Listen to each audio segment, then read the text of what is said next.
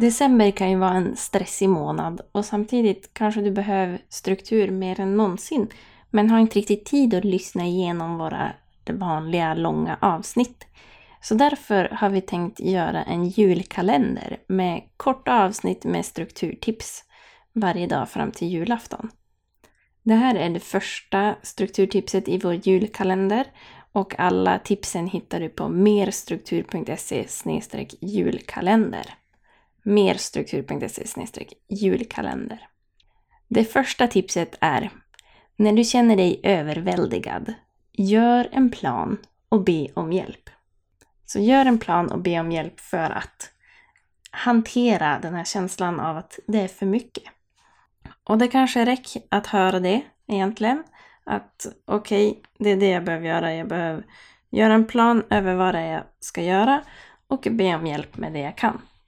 Men om du vill ha lite mer steg för steg så kan du klicka dig vidare till länken i avsnittet så får du det här i skriftlig form.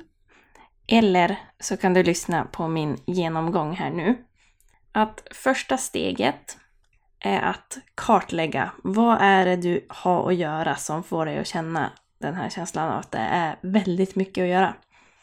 Eh, så skriv ner allt som du skulle vilja hinna och allt som du måste hinna. Det finns lite listor som du kan använda eller så använder du ett papper eller en anteckningsapp eller vad du vill. Eh, sen skulle jag vilja att du markerar vad är det som får dig att må bra eller som gör dig glad av det som du har skrivit på den här listan.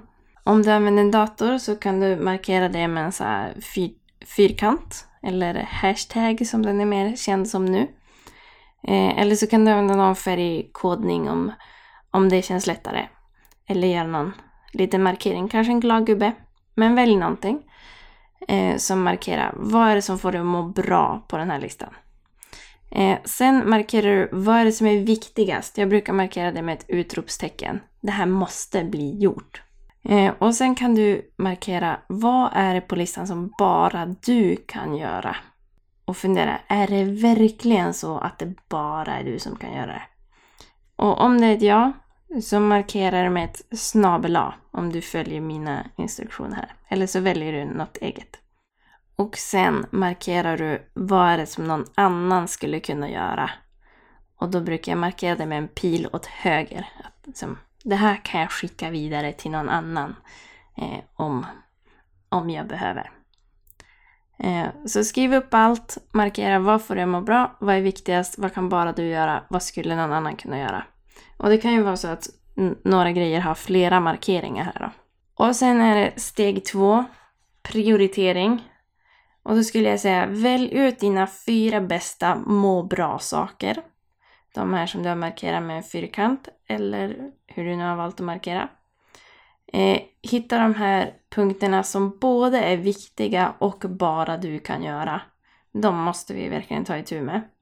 Eh, hitta punkterna som är viktiga men som någon annan skulle kunna göra. Och titta också på de här punkterna som du har markerat som viktiga men som det varken är att bara du kan göra eller att du skulle kunna skicka vidare till någon annan. Fundera igen, kan du skicka de här vidare till vem i så fall? Eller går det lätt att göra de här själv? Eh, så gå igenom igen och se om du kan markera med om, om det är du som ska göra eller någon annan. Och sen kommer vi till steg tre, planering. Planera in minst en må bra-sak varje vecka. Gärna flera, eh, men minst en. Och sen planerar du in när ska du göra de här punkterna som är viktiga och som bara du kan göra.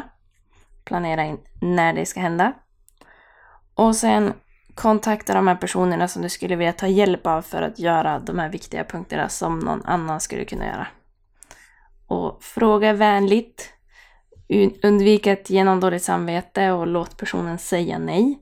Eh, men var tydlig med vad du skulle vilja behöva göras och om det är någon bestämd tidsperiod.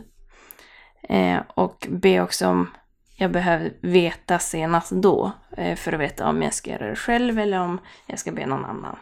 Och sen är steg fyra helt enkelt att följa planen och genomföra det här. Eh, och om det är något som kör ihop sig eller att du hamnar igen, nu är det för mycket, planera igen och be om hjälp. Och glöm inte att ta pauser också. Och njuta av livet, december och julen.